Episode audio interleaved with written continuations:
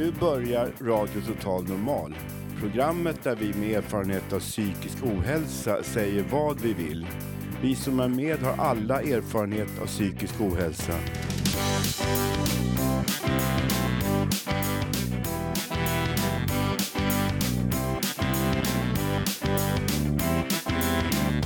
Du lyssnar på radio Total Normal. 101,1. Totalt normalt. Radio Total Normal, torsdagar från två till halv fyra. Vi livesänder med publik från Götgatan 38 i Stockholm. Kom hit och lyssna. Här är alla röster lika värda.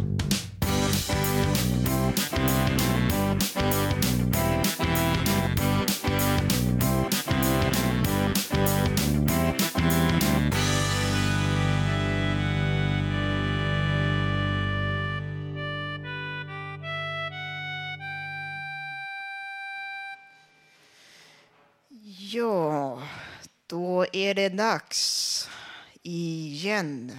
Hej och hjärtligt välkomna till Radio Total Normal.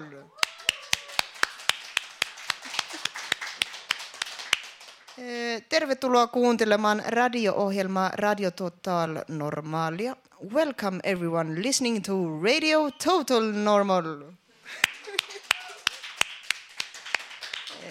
Eh, eh, jag har en härlig publik framför mig idag.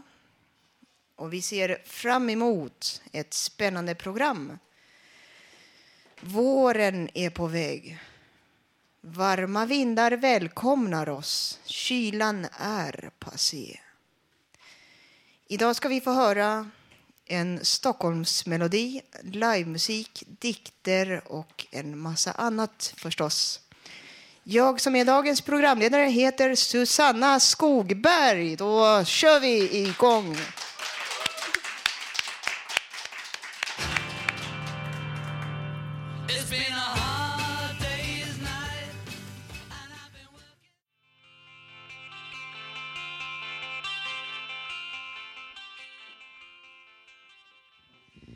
Yes, ni hörde Beatles här. Och eh, då har jag stora äran att presentera Rebell-Robban och Ida Idamo. Välkomna! Tack, tack. Ja, vi ska snacka om eh, socialen, som vanligt, som jag gör varje vecka.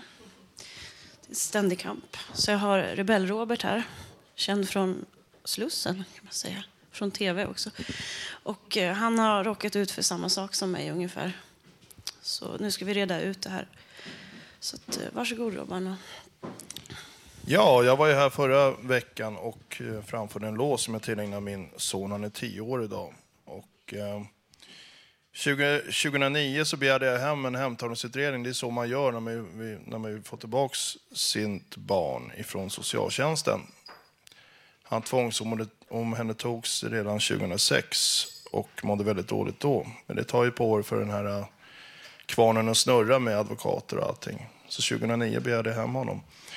Och då på sidan 13 på den här hemtagningsutredningen så får jag en chock där jag läser följande. Eh, såväl av familjehemsmodern som av läraren noterades det under vårterminen 2009 verkar vara mycket känsligt gällande kroppen och nakenheter för Roberts son. Han visade plötsligt blyghet i samband med att han skulle klä av sig, hade velat dölja sig i samband med avklädning då han satt med benen i kors och var ledsen. Det här sker hela tiden uppe i familjehemmet där han är tvångsplacerad. Eh, då familjehemsmodern frågade vad han tänkte på hade Robins son svarat att han var rädd för att hon skulle klämma honom på snoppen. Och eh, han berättar vidare också att eh, han hade klippt sig i snoppen med en sax då han ville ha den i handen och spara den. Och den här texten jag läser upp nu för alla de som är föräldrar kan ju få vilken förälder som helst att bli sjuk av oro. Det är någonting som pågår i det här hemmet, det är någonting de gör mot min son. Eh, och eh, därav så, så har jag på alla sätt och vis försökt att få tillbaka min son utan något vidare bra resultat just nu. Jag har på i sex år kämpat. Och det man hela tiden hänvisar till är att jag inte skulle kunna ta hand om hans speciella behov. Men eh, vad de speciella behoven är, är idag, de har ju växt. Liksom. Från början var det att han, att han eh, hade dålig balans och han talade lite sluddrigt. Och barn är olika och utvecklas på olika takt. Och jag, då åtgärdade jag det, genom att eh, börja sjunga med honom och lära honom att spela olika instrument. För det har ju med motorik att göra. Trummor till exempel är väldigt bra instrument om man ska träna upp motorik. Eh, sång, det är artikulation. Men eh, de såg inte det som någon vidare bra metod.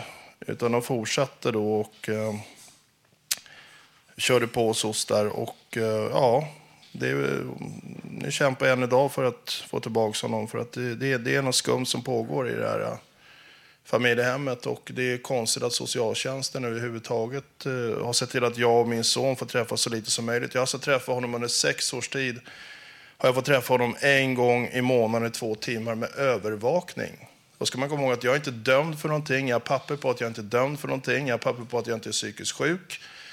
Jag har också gjort undersökningar som konstaterar att jag inte är, är vad heter det, eh, beroende av narkotika eller alkohol och äter inga tabletter. Utan det enda jag gör är att jag älskar min son och vill få tillbaka honom. Jag vill ju ta hand om honom och eh, växa, ja, se han växa upp tillsammans med mig. Men får inte.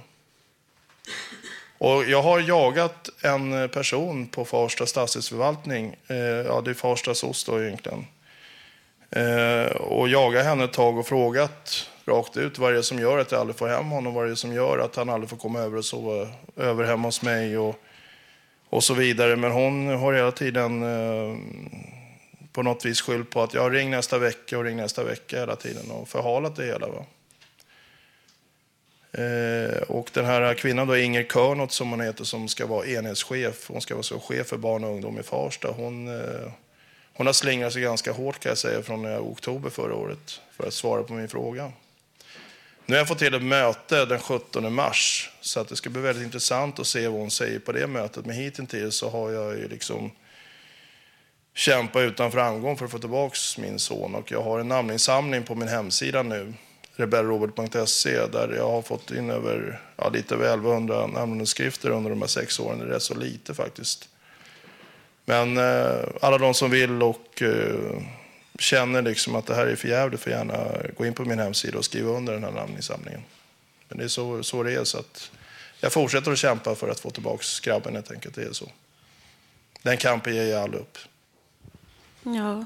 ja, det är ju många som har problem. 6 000 om året pratar de om. Mm. 6 000 familjer, 6 000 barn. Det är väl dags att göra någon demonstration snart, tycker jag. Eller någonting sånt. För att ja, det är ju något som är fel i systemet när man skuffar undan människor på det här viset. Mm. Och dessutom när, när, när, man inte, när inte någon av föräldrarna har några, några missbruksproblem eller har några psykiska problem. Jag menar, det är väl det som är första kravet för att kunna ta hand om ett barn. Det är väl att man kan sköta om sig själv först och främst. Och det kan ju jag. Men ändå så motarbetar man mig istället för att samarbeta med mig. Och eh, att träffa sitt eget barn så lite som möjligt. Ja, det kan ju ni förstå alla som är här. Liksom, att det, är, det är ingen som mår bra av den situationen. Man glider ju ifrån barnet väldigt lätt. Det Ja. märkte jag. fick ju också restriktivt umgänge. Jag fick i alla fall två, två timmar i veckan. Mm. Men det, det tog ju tre veckor så, så frågade han, är du min mamma? Frågade han. Mm. Det skönaste med min son, han sa det att eh, pappa, jag har två pappor och två mammor. Nej, det har du inte, sa jag. Du har bara en mamma och en pappa. Nej, men eh, de är också min mamma och pappa i det här familjehemmet. Nej, det är de inte, sa jag. De, de, de kan, du, du, du kan, du kan säga deras namn, men du behöver inte kalla dem för mamma och pappa, för de är inte din riktiga mamma och pappa. en Men ändå tvingar, tvingar de honom att göra det. Det Det är finns väldigt speciell kränkande att höra, kan jag säga. En namninsamling för just det där att sluta kalla er för mamma och pappa i familjehemmet. Ja, jag tycker det är vidrigt. Ja, det borde vara regler på sånt. Och socialen har ju inga regler hur det går till när de... Nej, nej. och. Och, och, en sak till som jag kan tillägga som jag har konstaterat också att så, speciellt Farsta SOS, eller SOS i Farsta i Stockholm, de, de är ju väldigt speciella för de, de låter ju inte någon ha någon slags insyn i deras arbete. Vissa andra kommuner har ju en viss insyn. Eller man, ja, advokater och så vidare kan ju ha en viss insyn i det, vad de håller på med. Men, men Farsta i SOS och Inge Körnot och hennes team i spetsen, de har ju stängt den dörren för länge sedan. Ja, men så är det Hägersten också. Det är så där Ja. också? Ja. Mm. Så att det här är ju verkligen ett, ett problem. Och eh, problemet är ju också att, som du, som du var inne på, också, barn och föräldrar. Det står, jag har ju en annan grej som är rätt så intressant. Som, jag, förlorade, jag har förlorat till läns och kammarrätt. Och, eh, men däremot regeringsrätten, som är den högsta instansen i Sverige, de gick på min sida. För jag vann faktiskt eh, en, en strid vid tillfälle då, då, jag, då jag skulle få utökat umgänge ifrån en gång i månaden i två timmar med övervakning till, eh, till fyra timmar en gång varannan vecka. Och den här övervakningen har jag, har jag heller aldrig fattat. Och när jag hela tiden har, har eh, konfronterat om varför man har övervakade umgängen, det kan du förstå själv, att träffa sitt barn. Jag, får- jag, får inte säga att jag, jag får inte säga vad jag vill till min son. Och han får inte undra varför han aldrig får komma hem till mig. Så fort jag liksom kritiserar socialtjänsten eller familjehemmet så klipper de vårt umgänge och jag får åka hem. Ja. Jag menar, hur jävla friskt är det på en skala? Det här med umgänget, restriktivt umgänge, det är ju bara till för att barnet ska komma in i den nya familjen. Att föräldern Absolut. inte ska komma och störa. Men SOS kan ju säga, de sa till mig, ja nu hade du varit nere, nere på dagis och de varit oroliga där, personalen. Jag vet att de inte var oroliga. De, SOS ljuger och speciellt när det kommer till umgänge, varför? Men eh, nu ska vi höra en låt av dig istället. Ja, jag ska, jag ska återigen köra den låten jag tillägnat min tvångsomhändertagna son som jag skrivit till honom. Jag har haft den på huvudet Ja, sen jag hörde den. den tänkte jag framföra nu.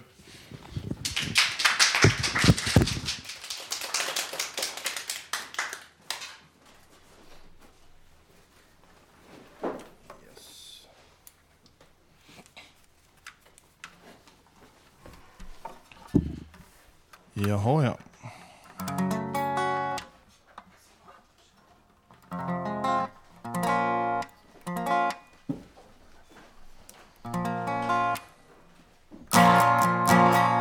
Ja, innan jag börjar kan jag då presentera vad låten heter. Alltså, den här låten skrev jag för ungefär tre år sedan. Och, eh, vad heter det? Låten heter Älskar dig mest i hela världen. Och den är tillägnad som sagt min stackars tvångsomhändertagna son. Som jag inte fått träffat sedan april förra året för att jag kritiserar SOS.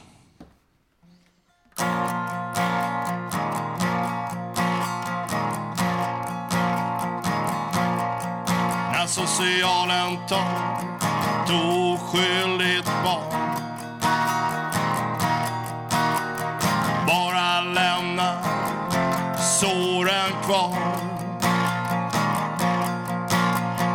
Saknar den efter dig som bara for. Mitt älskade barn, den är så stor. Men jag älskar dig mest i hela världen.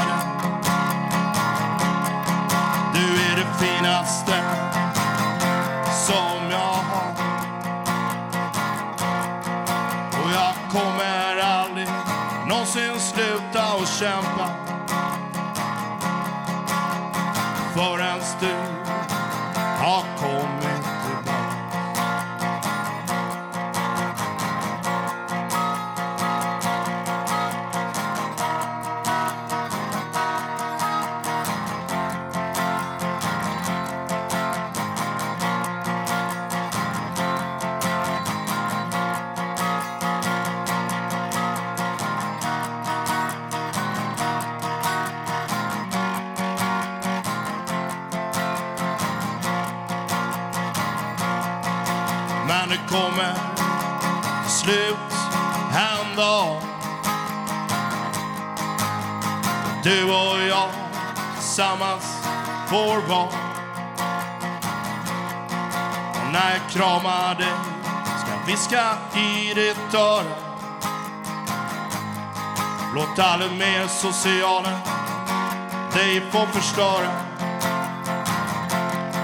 För jag älskar dig mest i hela världen.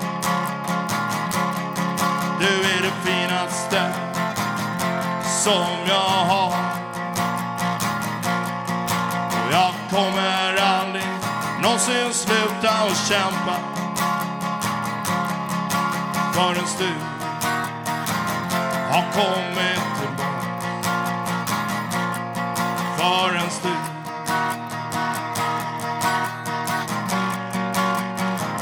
har kommit tillbaka.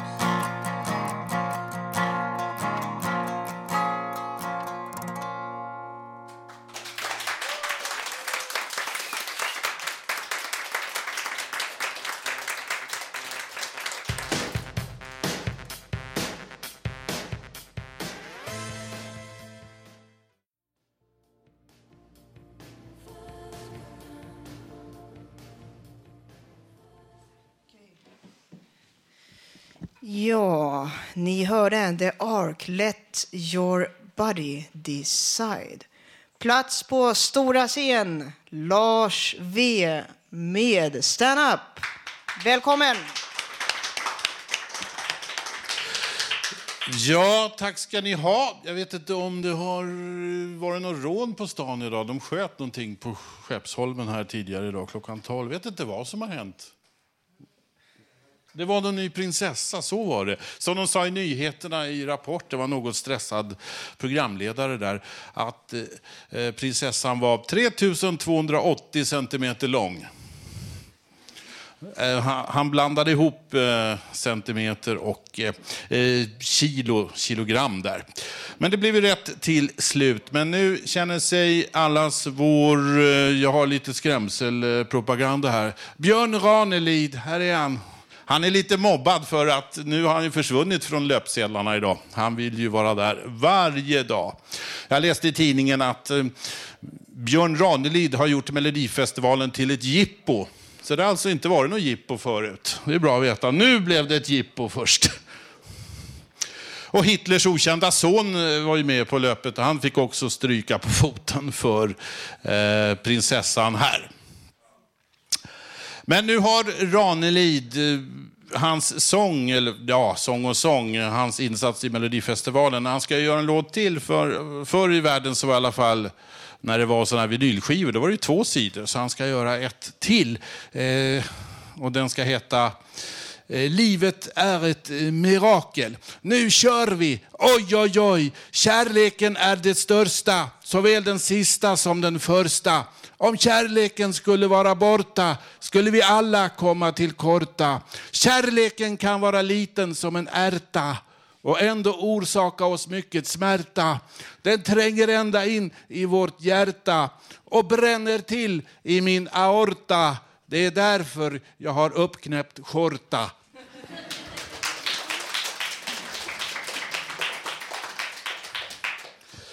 Det är ju sportlov sägs det nästa vecka här, i alla fall för oss i Stockholm. Och eh, då måste jag berätta om en bekant som jag hade. Han var med i något som heter Europamästerskapet i joddling. Är det någon som kan joddla här? Han var riktigt duktig. Jodla, hiho. Och det var någonstans nere i Mellaneuropa. Och han kom på tredje plats.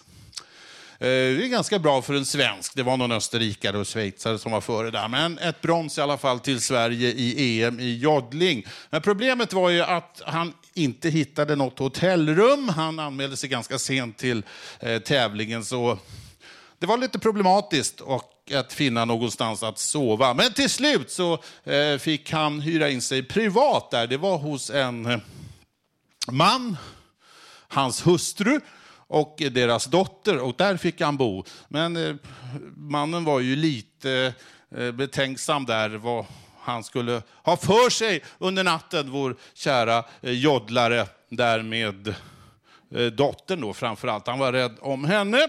Så han gick ut och smög och då fick han se joddlaren komma ut från dotterns sovrum så här. Vad gör ni? Sa, eh, sa mannen då. Försöker ni förföra min dotter? Ja, sa joddlaren. Inte bara er dotter. And the old lady too.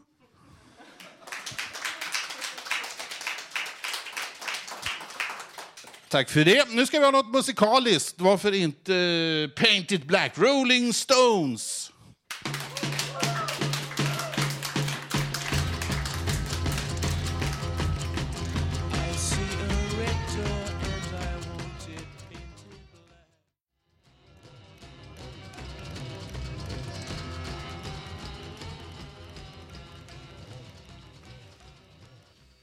Okej, mina vänner, jag är rätt trött i huvudet idag. Jag är helt trött. Jag glömde tala om, eh, betona och eh, eh, tynga på Rebell-Roberts. Gå in på också hemsidan www.rebellrobert.se angående namninsamlingar. Gå in där och skriv under. Okej, då ska vi se här. Då går vi vidare i programmet. Eh, nu ska vi få höra en bokuppläsning av en ny spännande författare. Hej kära lyssnare på Radio Total Normal. Jag heter Jan Edelholt. Jag bor och är verksam inom socialpsykiatrin i Göteborg. Är ursprungligen från Malmö, som säkert hörs på min smått skorrande dialekt. Jag har skrivit en bok som heter Ett stöd i natten. Boken handlar om en manlig nattarbetare, anställd inom kommunpsykiatrin och alla dessa fantastiska människor, sköra men fyllda av möjligheter, som han möter och söker stödja och finnas till hands för under sina nattpass. På baksidan av boken kan man läsa För den manlige nattstödjaren står det klart att det är omgivningens bemötande och sätt att värdera vad som utgör ett gott liv som är den främsta orsaken till allt det utanförskap han möter. Ett stöd i natten skildrar just ett starkt utanförskap där brister i bemötande, stigmatisering, institutionalisering och isolering format av såväl psykiatrin, ungdomsvården som samhället och gemene man stämplar och formar människor till någon de inte är.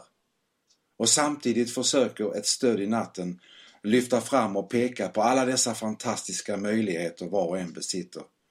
Där lösningar istället för hinder, drömmar istället för stängda dörrar ges ett gott utrymme. Människor som bara väntar på att få blomma ut och skimra i allsköns färger.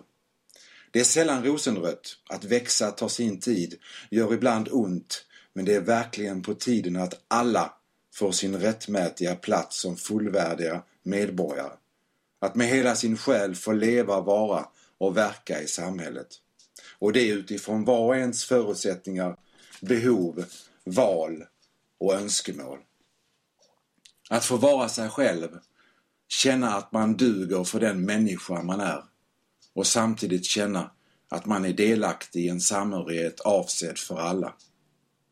Om du har några frågor, kommentarer, tankar, känslor kring de utdrag från ett stöd i natten jag läser upp som du vill diskutera eller berätta om är du så välkommen att mejla mig.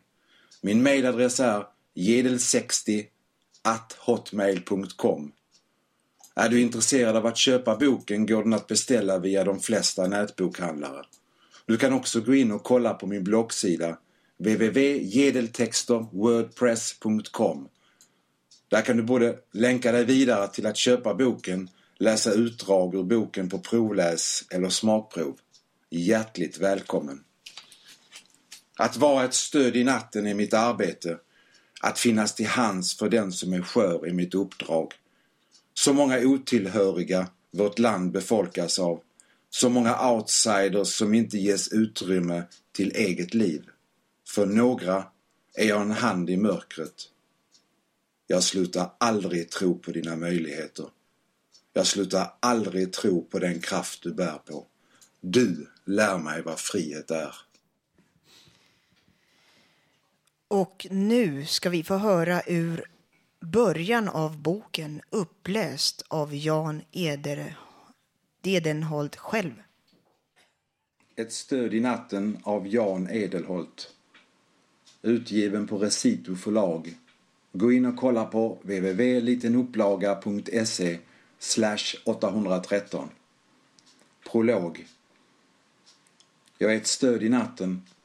Jag är demokratins kärna, dess spjutspets, men också dess avlägsnaste utpost. Om jag fallerar störtar civilisationen i ruin. Inledning. Psykjävlarna mördade mig, står det sprutmålat på väggen i hennes vardagsrum. Själv ligger hon utspridd på mattan framför soffan. Det är så jag finner henne. Utplånad i ögonblicket med huvudet åt höger. Hennes högra arm är utsträckt, fingrarna spretandes, Som om hon i sista stund sökt efter något. Efteråt funderar jag över desperationen i handens uttryck. Höger ben fosterlikt uppdraget mot bålen. Huden i ansiktet blekt vaxgul, läpparna och fingertopparna, ena vaden fläckvis blåmelerade, möjligtvis lila. Också blicken, tum, glasad, frusen i ett evigt då. Det är blod överallt. Jag får kvällningar, är tvungen att gå ut i köket, böja mig över vasken, stänka vatten i ansiktet, tvinga ner en klunk. Innan jag ringer 112. Så mycket blod. Det har runnit från hennes mun. En pöl i höjd med bröstet. På hennes marinblå t-shirt. De mörkblå jeansen har fläckar av blod. Den utsträckta armen i blod. Hennes kastanjebruna axellånga hår som hon oftast har uppsatt med en birad knut i nacken ligger fritt utspritt utan att dölja ansiktet, smetat i blod. Det finns inget soffbord. Hon ligger på en mörkgrå enfärgad Ikea-matta framför sin bruna skinnsoffa. Ovanför skinnsoffan på den vita kala väggen står texten sprutmålad med stora svarta bokstäver. Psykjävlarna mördade mig. Det är som om hennes död är en offerhandling, som om hon burits fram för att offras för sina bristers skull. Det är som om det hela är arrangerat, en aggression mot den människa hon var, skändad för sin skörhet, avlägsnad för sina brister, marginaliserad och fjärmad för den frihet hon önskade sig till. Både polis och ambulans är snart på plats. Samtidigt dyker de upp med unisont bistra miner. Man finner kniven under soffan, en enkel morakniv. Inga andra tillhyggen. Den avlidna kvinnan sammanfattar polisbefälet, är skuren i bröstet, på magen och i vänster arm åtskilliga gånger. Skärsåren är inte tillräckligt djupa för att anges som dödsorsak. Däremot anses hennes vänstra uppskurna handled utgöra den preliminära dödsorsaken. Man hittar blodstänk ända bort till sovrummet. Den i hast utförda obduktionen visar visserligen spår av såväl antipsykotiska mediciner och biverkningstabletter som lugnande och sömntabletter, men inget som tyder på iögonfallande avvikelser från hennes normala dygnsdos. Allt pekar på, menar polis och åklagarväsendet, att kvinnan i lägenheten begått suicid. Fri från skiten, skulle hon själv säga. Samtidigt anser man sig inte kunna ignorera att det finns ett oroväckande antal skärsår i kvinnans kropp som inte med säkerhet kan härledas till ett självförvållat agerande. Varför man beslutar att, under nuvarande omständigheter, inleda en förundersökning. Man avdelar en polis på ärendet och jag blir kallad till förhör.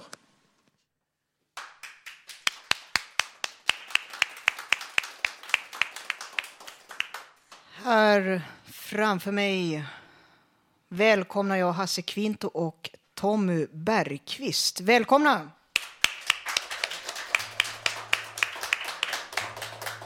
Och eh, radarparet här ska framföra Stockholms melodi av Evert Taube. Varsågoda. Först ska jag berätta lite om Evert Taubes liv. Eh, det är min serie Hassans musikfavoriter som turen har kommit till Evert Taube. Axel Evert Taube född 12 mars 1890 på Stora Badhusgatan 7 i Göteborg. Död den 31 januari 1976 i Stockholm. Var en svensk författare, kompositör, trubadur, lutspelare och konstnär. Taubes bidrag till den svenska visskatten får honom att räknas som en av Sveriges nationalskalder. Hans rika produktion omfattar prosa, poesi samt teckningar, akvareller och oljemålningar.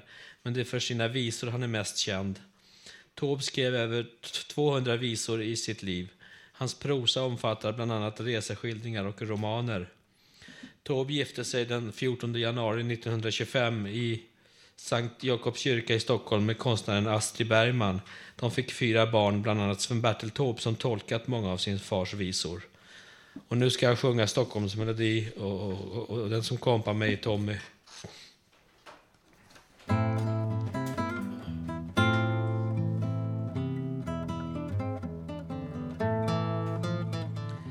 Se hur hela Uppland står i lågor. Kvällssol brinner bortom Solna skog. Grön som är mot violetta vågor. Brunnsviksvassen står där gäddan slog. Långt i syd mot bleknad himmel blänker Fönstrens rad som guld på Södermalm. Och på slottet vakten flaggan sänker.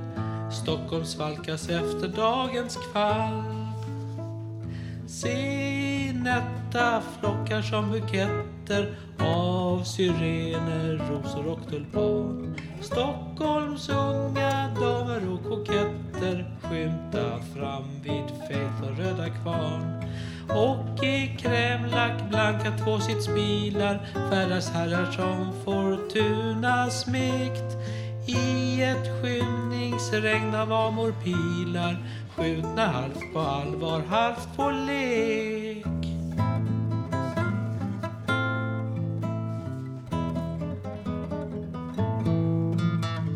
Stockholm i ditt sköte vill jag drömma Sorglöst när din aftontimma slår Nya syner, gamla minnen strömma Leende emot mig där jag går när din vålnad lugnt ett mygg får sluta Dig i famn från parkens dolda plan Ekot tonar än ur Bellmans luta och i stora skuggan spelar pan.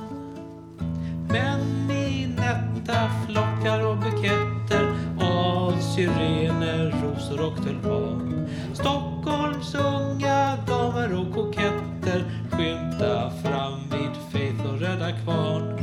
Dans på svingsen, kärleksnatt på Kina, stulen lycka går på Rivoli. Såg du bleka greven på Regina? Har du hört mitt hjärtas melodi?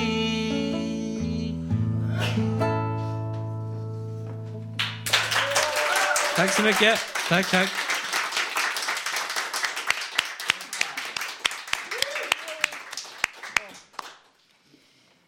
Ja, men Då går vi vidare här. Eh, nu ska vi få höra en liten del ur en ångestdagbok skriven av Thomas i Ungredaktionen. Varsågoda. Onsdag 18 januari. Vaknar med dagens dröm i åtanke. Fast mobilen ringer 6.30 ligger jag kvar och dagdrömmer vidare. Annars brukar den där tardiva dyskinesin stiga långsamt på morgonen så jag kan dra mig extra länge. Upp till två timmar om jag till exempel vaknar fem. 7.30. Äter frukost och läser dagstidningen. Klockan 7.50 börjar jag göra i ordning för att gå iväg, vilket tar en 10 minuter. Tar på mig rejält för det är minus 7 grader. Inte vill man frysa eller bli förkyld. Gick till Hallunda. 9.00. Pratade med min psykolog och det var där hon sa att jag skulle skriva ångestdagboken. 10.00. Istället för att ta bussen hem och gå igenom Hallunda centrum. Vilket är jobbigt med så mycket folk och så mycket bussar som låter. Och tråkig väntan så går jag hem istället. Plus jag behöver banta av julkilorna. På senaste tiden så slösar jag inte bara bort pengarna. Så jag brukar äta på McDonalds vart jag än är. Och tar där Happy Meal. Ingen kan bräcka 30 kronor. Även om personalen retar mig ibland för det. Och måltiden innehåller 600 kalorier. Vilket är tillräckligt. I samma byggnad finns en ICA-butik så går in och köper fem DVD för 19 kronor styck. Det är bättre med lite emotionell variation istället för att lyssna på skivor hela dagarna. Går ut ur ICA och tittar på klockan. Ingen buss på ett tag. Går hemåt. Det blir jobbigt med alla bilar som låter här på Hågebyleden så jag börjar stillsamt recitera låtar i huvudet. 12.10. Kommer hem, duschar. Tar in grejerna jag köpt. Har mycket ändå finare av att ha gått så ångesten känns inte av. Skär upp och fryser in det ett dag gamla billiga brödet jag köpte på kaféet i Hallunda centrum och ser på ett avsnitt av Scrubs, den enda humorserien jag tycker om. När den är klar tar jag en liten semla plus en smoothie. För det var två timmar sedan jag åt lunch och jag brukar bli ätsugen de första timmarna när jag kommer hem. Lägger mig i sängen och känner att ångesten kommer efter några minuter. Semlans fel, mycket fett, säkert härsket också. Har märkt det förut och lär mig inte. Har haft ont i halsen och magen på grund av för sur och kryddig och mycket mat nu till jul. Säkert gått upp en fem kilo. Det säger skärpet i alla fall. Tre hål istället för fem. Börjar skriva ångestdagboken för att få annat att tänka på och kollar i lugna delen av mina skivor. Nästa är Soul Paradise. Perfekt. Ångesten minskar. Har skrivit i tio minuter när ångesten blir en trea. Lägger mig i sängen och skriver ett efter ett tag. Sätter mig och skriver igen. Ingen ångest ökar. Skriver vidare. Känner att ångesten börjar stiga igen så jag lägger mig. 16.00 middag. Åt snabbt. Ångesten steg till en fyra. Om det blir en femma blir det kris för då kokar jag liksom över. Men inte så farligt ändå vid den här tiden på dygnet. För då är jag bara ångest i en timme och sen stänger jag dörren och går och lägger mig. Den stegrar kanske en, ett steg per timme. Efter maten lyssnade jag på musik till klockan sju. Sen gick jag och la mig. Jag vet om jag går och lägger mig innan åtta sover jag inte tillräckligt länge. Jag kände mig så trött så jag gjorde det ändå. Jag vaknade någon timme senare. Ångest på en två. Somnar, vaknar igen. Vet inte om det är morgon. Jag ligger i en timme men somnar inte. Ögonen svider när jag sätter på lampan i köket vilket säger mig att klockan är ett på natten. Jag tar en macka och sömnmedel, sätter på en skiva och sen en till. Sen börjar jag gäspa. När jag tog mackan blev ångesten en nolla. Slut för idag. Ja, då hörde vi där. Eh, ursäkta angående avbrottet. Det är så ibland. Märkliga krafter gör att det blir avbrott. Tack vår fantastiska tekniker Gustav. Tackar! Då um, kör vi raskt på, raskt på här. Eh, Tobias i ungredaktionen ska vara med i underhållningsprogrammet på Minuten på SVT som sänds fredagar. Inför premiären imorgon så har Tobias träffat programledaren och en medverkande i programmet. Den första intervjun gör Tobias tillsammans med Nor.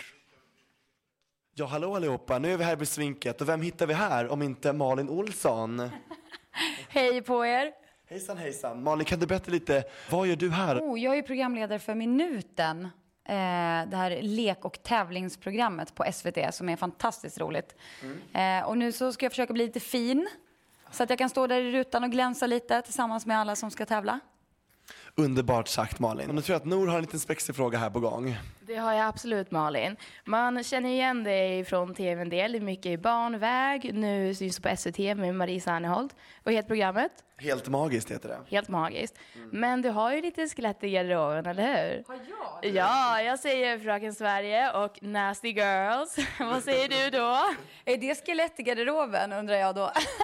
Vi, vi diskuterade faktiskt det här om vi ska kalla det skelett. Jag tycker väl inte det. Det är, det är ganska fint egentligen. Du har ju gjort så himla mycket. Jag säga så här att som Fröken Sverige till exempel, det kanske jag inte hade gjort så här tio år senare. Men, men då när jag var 18 år och var med i tävlingen så tyckte jag att eh, det är klart jag ska göra det här. Och sen råkade jag vinna och så fick jag världens bästa chans att få göra så här mycket roliga saker som jag gjort efteråt. Så att jag är faktiskt väldigt tacksam över att jag var med där. Jag måste bara flika in med att Malin, du var faktiskt min favorit. Helt genuint. Jag tyckte du var jättesöt. Jag tror att jag kanske var tio eller nio eller något sånt där. Så att det var jättekul att se på TV. Jag tror att du inte skulle vilja varit med nu. Eh, nej, men jag tycker att, att skönhetstävlingar, alltså... Det är ju svårt att tävla i skönhet. Faktiskt. Det är väldigt svårt. Alltså, för vem säger att, att någonting är, är vackert och inte vackert? Alla har ju olika uppfattningar om det där. Men då tyckte jag att det var en rolig grej. Jag, gillade, jag tyckte det var kul att stå där på scenen och, och få ha en fin klänning på mig. Så det var mycket det också. Någon, någon slags exhibitionistisk ådra som fick ta sig uttryck. Men om det inte vore för Fröken Sverige, skulle du ha gett in dig i, i mediebranschen på ett eller annat sätt? Ja, det hade jag nog säkert gjort. Men det hade nog... eh, Jag kanske inte hade suttit här idag då. Då kanske jag hade gjort någonting annat inom media. Eh, Jag vet inte, vi får se. Eller jag, ja, ingen aning. Hur ser det ut i musikväg då? Hur blev det med Nasty Girls? Nasty Girls 3 eller? Ni hade faktiskt en hit där som jag gillade mycket. Jag kommer inte ihåg vad den heter dock. The Anthem heter den. Ja, det tror jag. Eh, Hur länge eh, sjöng ni tillsammans? Hur länge fanns gruppen? Eh, Vi var en grupp i ungefär tre år, tre och ett halvt år, någonting sånt. Sen så eh, lämnade jag gruppen och de fortsatte ett tag utan mig. Får jag fråga varför? Vad hände? uh, vad var det som hände? Ja. Nej, det, det var inte så himla komplicerat faktiskt. Vi hade, vi bodde ihop under hela den här perioden som vi också sjöng ihop. Så vi var med varandra väldigt, väldigt mycket. Och jag kände väl att det var dags att gå vidare och att jag ville hitta min grej som, som jag helt och hållet eh, ville göra helt enkelt. Och jag kände att jag var klar med, med musiken. Eh, och att det är en speciell bransch liksom. Musikbranschen är, den är tuff. Men Malin, vad är din grej? Vet du Precis, det nu? är det här kanske din grej då? Är det programledarjobb? Är det barnprogramledarjobb? Vet du? Ja, men jag, jag känner att jag har hittat hem faktiskt. Jag älskar att göra tv, jag tycker det är skitkul. Eh, ja, men man får träffa mycket människor i jobbet, eh, försöka liksom få fram det bästa utav gästerna som kommer till en studio till exempel. Eh, och det är ju en utmaning och det är jättekul. Och sen är det ju sam- samtidigt kul att, att stå där och eh, ja, men i rampljuset också på något sätt. Vad kul Malin. Då Precis, önskar då- vi dig all lycka i världen. Och Tobbe har en sista fråga här. Exakt, för alla våra lyssnare, unga och gamla som vill också slå sig igenom i branschen. Vad har du för tips, Malin Olsson? Ja, Man ska tro på sig själv, verkligen. Och så ska man följa sina drömmar. För att slutar man hoppas och tro, då kommer det inte hända någonting. Man måste alltid ha med hoppet och tro på sig själv och känna att det här klarar jag. För rätt som det är, förr eller senare så kommer någon att se det. Och eh, jag menar, tror man på sig själv då är det en jättebra början. Eh, sen är det alltid en, en fördel om man har med sig folk som tror på en också. Då kan man gå hur långt som helst. Men eh, det är viktigt att aldrig tappa hoppet och bara köra på och göra det man tycker är kul. Bara köra på. Ja, då gör vi det Då gör vi Absolut, det. klockrent sagt Malin. Tack så jättemycket, kramkalas. Tack så otroligt Allihopa. mycket Malin. Kram, kram! Kram, kram. Hallå, hallå, nu sitter vi här i, eh, vad ska man kalla det, logen. Och jag sitter här med ingen mindre än Annette Norberg, flerfaldig OS-medaljös och VM-medaljös i, i curling. Och hon sitter här med, med laget, kan laget skrika lite? Jo, Annette, hur kommer det sig att du hamnade här just nu med mig? Ja, vi vart ju faktiskt tillfrågade att vara med på det här med minuten, så att ehm, det är därför vi är här. Vi ska tävla och tjäna pengar till världens barn. Eh, Hur är upplägget? Ja, vi är fyra stycken som ska tävla och vissa grenar tränar vi, äh, tävlar vi själva, vissa tävlar vi två och två, och ibland är vi alla fyra. Eh, sen har inte vi de här säkerhetsnivåerna då, utan eh, ja, vi har det vid varje tävling, så att allt det vi klarar av, det går till världens barn. Oavkortat och ingen skatt eller någonting? Nej, det hoppas jag i alla fall.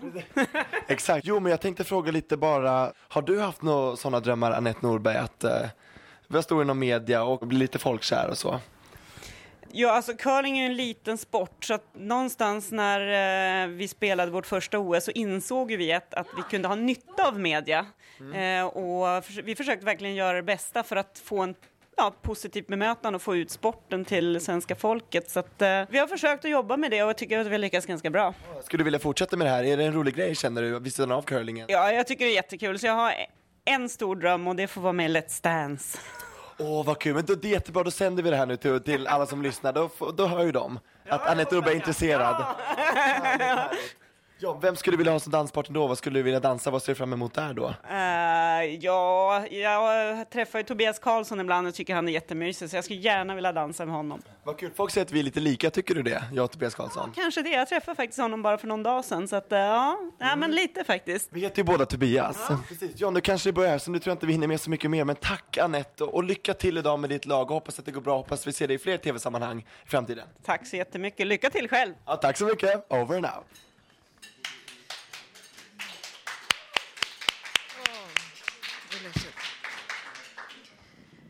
Fredagen den 13 april kommer ni få se mycket av Tobias då han är med i programmet.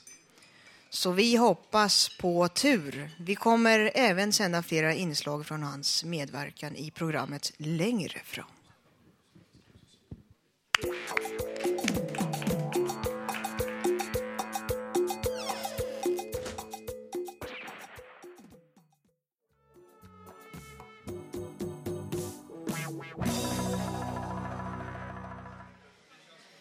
Ja, vi hörde låten Rossi War, Techno Cumbia del Oeste. Då plats på stora scenen. Ingen mindre än Håkan Eriksson. Välkommen!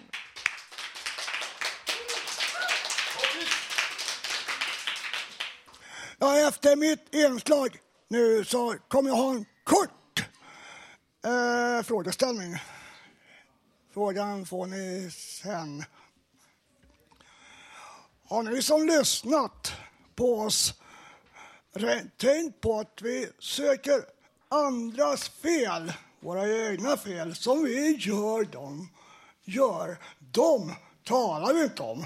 Så jag undrar om det är så enkelt att vi skäms för dem och inte talar om dem för andra. Vi glömmer bort att vi var, när vi var barn, att vi skulle stå för våra fel. För alla gör vi fel lite då och då. Men vi har svårt att göra något åt dem. Istället så ger vi andra skulden. Vi glömmer bort att ingen är felfri. Både fattiga och rika. För bara vi själva kan göra någonting åt det. Jag slutar med att vi, om vi lär oss göra något åt det och har, så har vi skapat ett mirakel i våra liv. Det får vi aldrig glömma bort.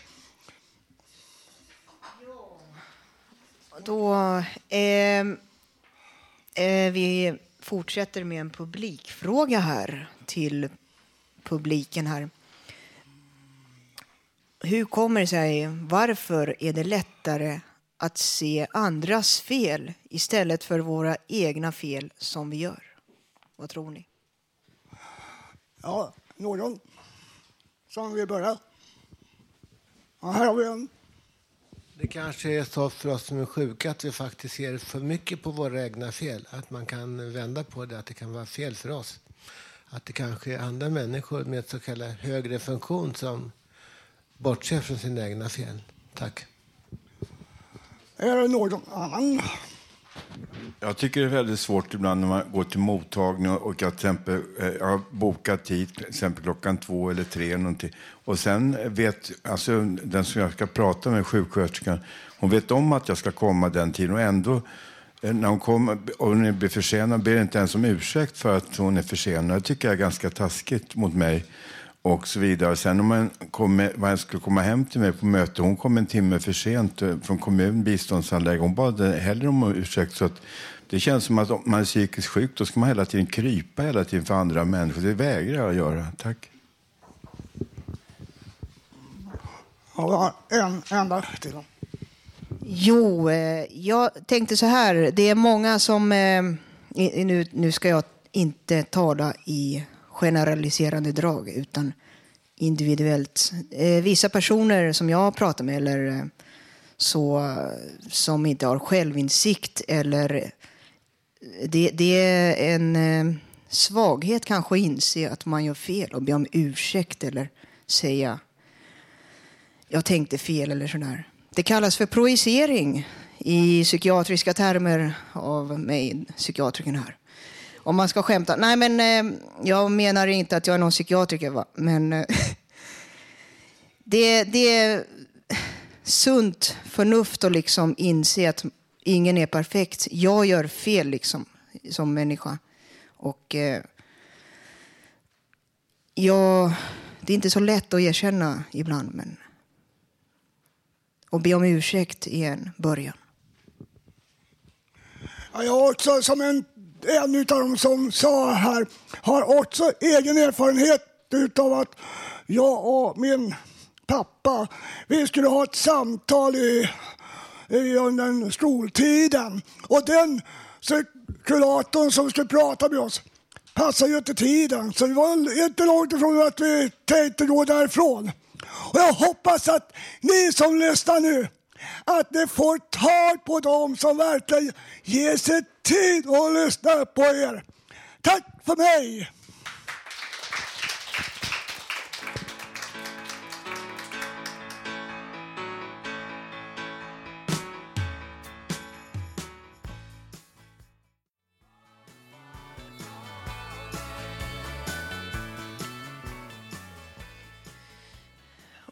Welcome back.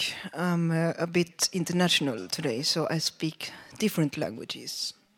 Eh, vi hörde Fleetwood Mac Say You Love Me. Och återigen, välkommen Rebell Robban.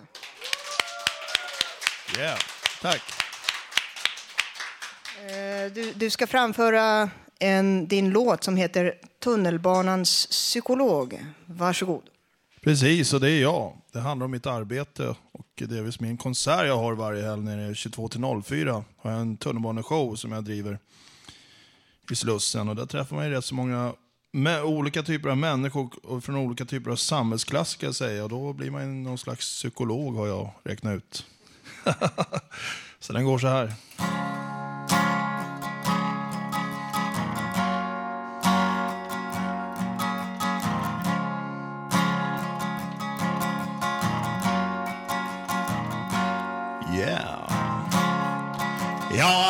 Inte bara musikant. Jag är även psykolog. I Stockholms tunnelbana har jag öppet året om.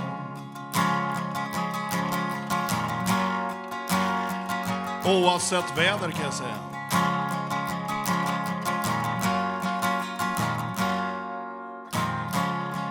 Jag är inte bara musikant. Jag är även psykolog. I Stockholms tunnelbana har jag öppet året om.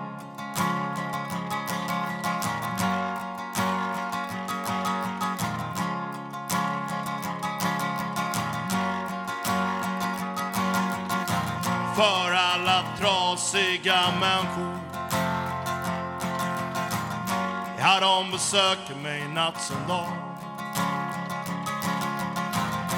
Och jag botar deras sår Med musiken som jag har. För jag är tunnelbanepsykolog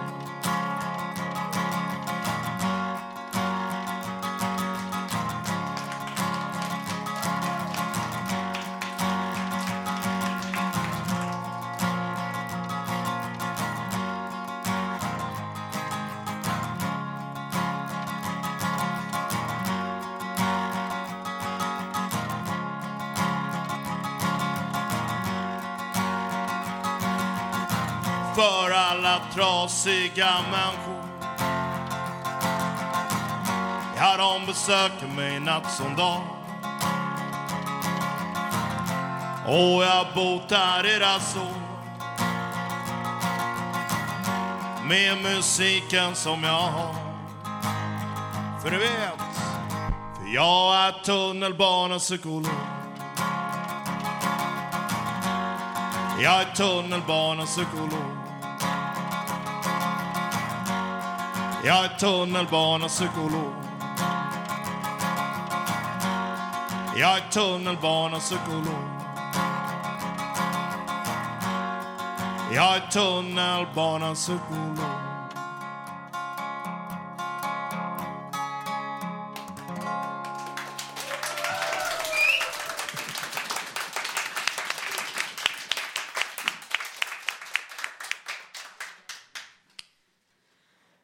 Tackar så mycket. Tackar, tackar. Och på återseende, Rebell-Robban.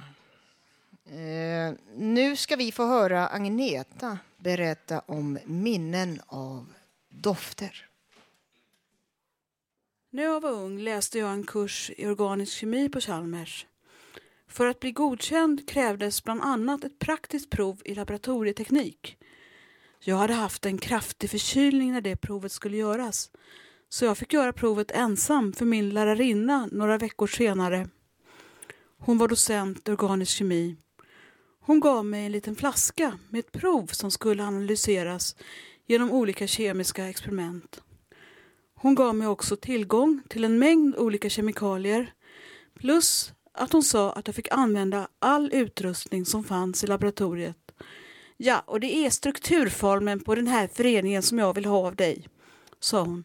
Skriv ner den på en papper och kom in på mitt rum när du är klar.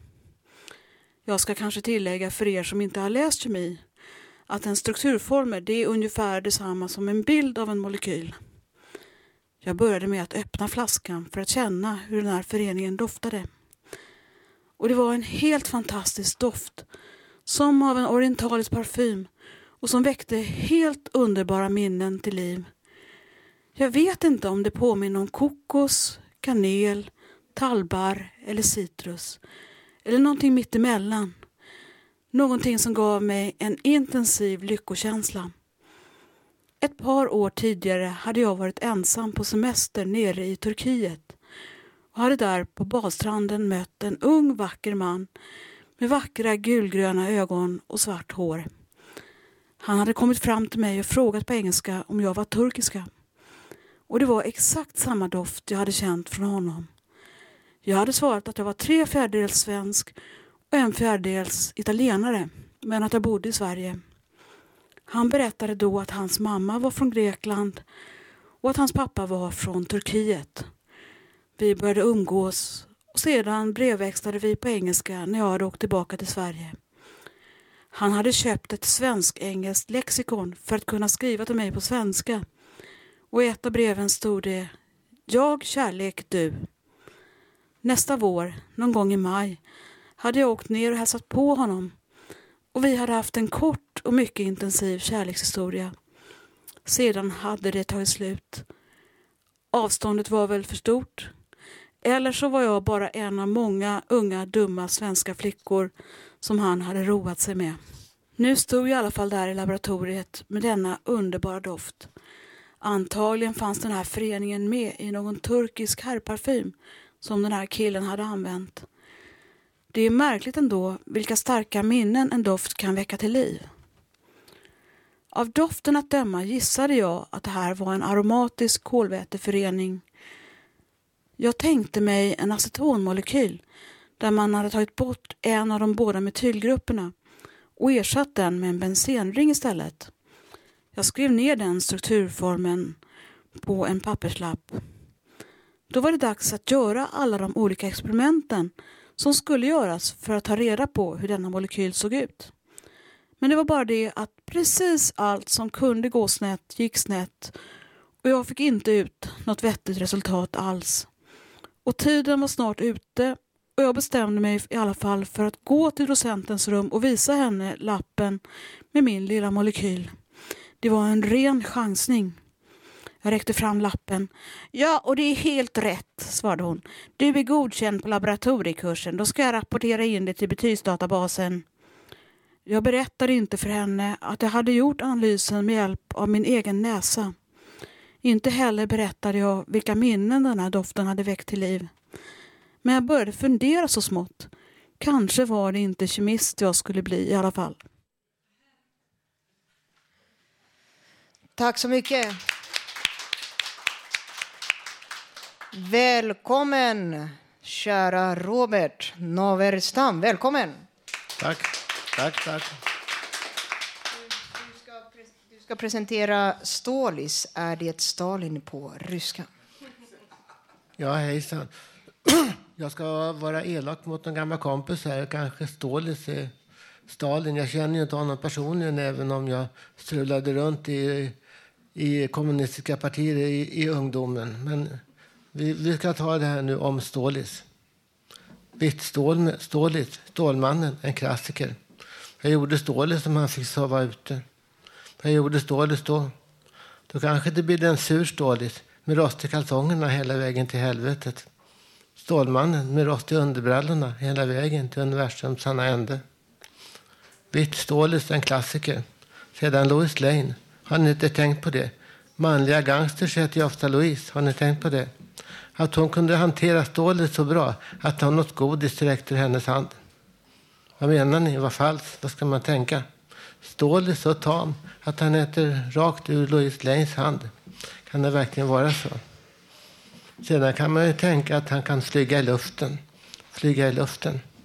Ett säkert sätt att få stackarna att flyga i luften är att ladda med en bomb. Man spänner fast en bomb runt stålets kropp. Sedan man tänder man på luntan. Sedan flyger stålet i luften. Då förstår ni vad jag menar? Stålet flyger i luften. Populärt nu, nu i dessa tider när man laddar med bomber ute på stan. Kanske för att han är så sur att han inte tänder på rosten i sina underbrallor. Om man tar det på engelska. Wonderwear. Vad ska man tänka? Rost är Stålmannens Wonderwear. Jag vet, det är min gamla kompis.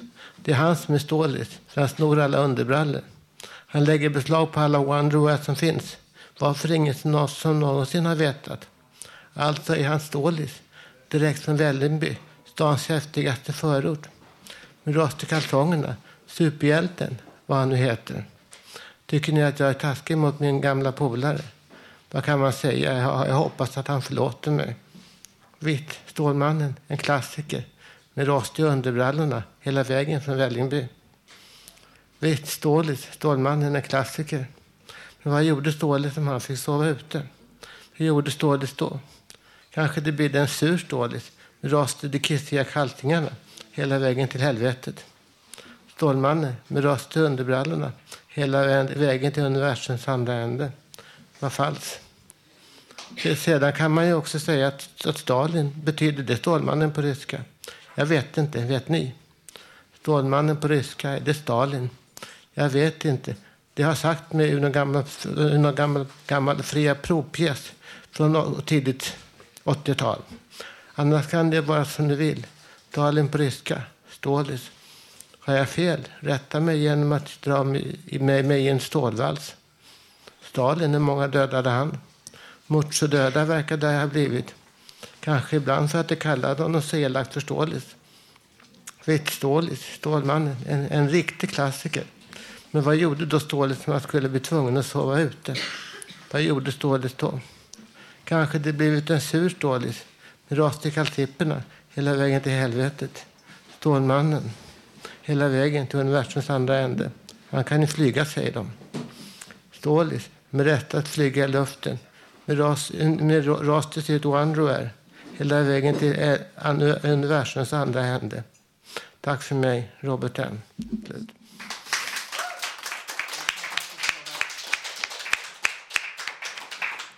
Tack så mycket. Och eh, nu, välkommen Anki. Ja, och eh, du ska presentera vad är dopamin? Ordet är ditt. Är du nyfiken, Susanne, på att få veta vad dopamin är för någonting nu? Dopamin det är ett signalsubstans som huvudsakligen finns i hjärnan. I hjärnan finns det miljoner med nervceller och nervtrådar. Det finns ett litet mellanrum mellan varje nervtråd och nästa nervtråd och nästa och så vidare. Det är de här mellanrummen som signalsubstansen dopamin finns. Den fungerar som ett smörjmedel mellan nervcellerna för att skicka signaler vidare.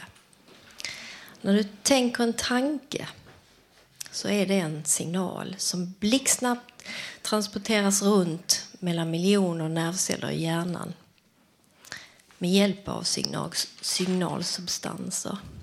Det finns många olika sorter. Dopamin är ett. Och så finns det till exempel serotonin eller noradrenalin. Alla har de specifika funktioner och egenskaper. Men det är när du tänker tankar som handlar om att lösa ett problem, komma på en bra idé eller en ny uppfinning eller behöver planera någonting, en resa eller skaffa mat eller komma på hur du ska göra för att vinna högsta vinsten på ett lotteri eller ett parti schack. Då stiger dopaminhalterna i hjärnan. Efter att du har löst problemet, vunnit storvinsten eller fått mat i magen så sjunker dopaminnivån igen till normalläge, trots viloläge. Men ju svårare problemlösningen är, ju högre stiger dopaminnivån. Och det är för att du ska få ökad kapacitet, kunna tänka mer intensivt och skärpt och koncentrerat. Och det här är jättebra om du håller på och kommer på världens bästa uppfinning eller har någon världsfredsfrämjande idé eller någonting sånt. Men om du tänker tankar på problem som aldrig kan lösa sig Eller kör fast i en idé. Eller tänk på någonting som gör dig rädd, ledsen, arg, orolig, förtvivlad. Och inte slutar. Ta paus. Vila dig från sådana negativa tankar som du kan må dåligt av det. För då stressar du din hjärna till att hålla jättehöga halter av dopaminproduktion igång hela tiden. Och då ger du inte hjärnan en chans att vila sig mellan varven. Därför är det så viktigt med till exempel regelbunden och god och bra sömn. Därför är det viktigt att äta bra, frisk luft och motion. Att kanske lära dig meditation eller någon annan avslappningsteknik. Eller hålla på med kanske jogga eller någon enformig sport som att simma eller jogga. Eller något. För då ger du din hjärna en chans att vila sig och återhämta sig.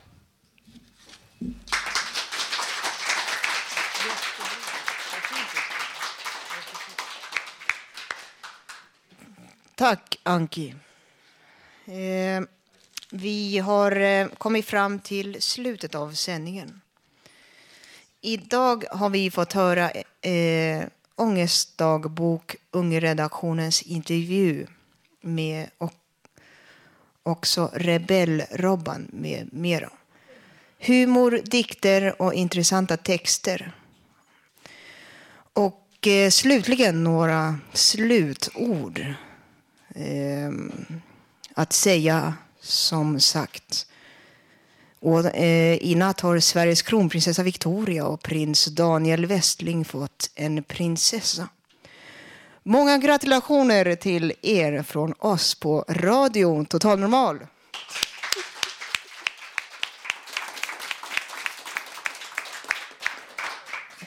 Nästa torsdag kan du höra oss igen som vanligt med publik här från Fountain House på Götgatan 38 i Stockholm.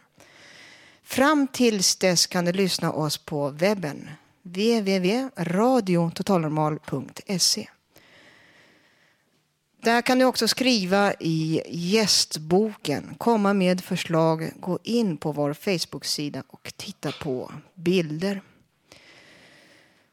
Eh, du kan också ringa till vår RTN telefonsvarare och lämna synpunkter.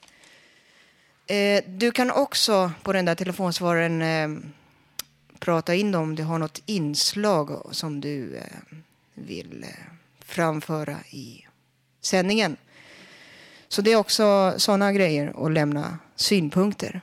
Och eh, telefonnumret är 08 400 208 07. Tekniker Gustav Sondén. Producent Emma Lundemark. Och projektledare var Bodil Lundmark.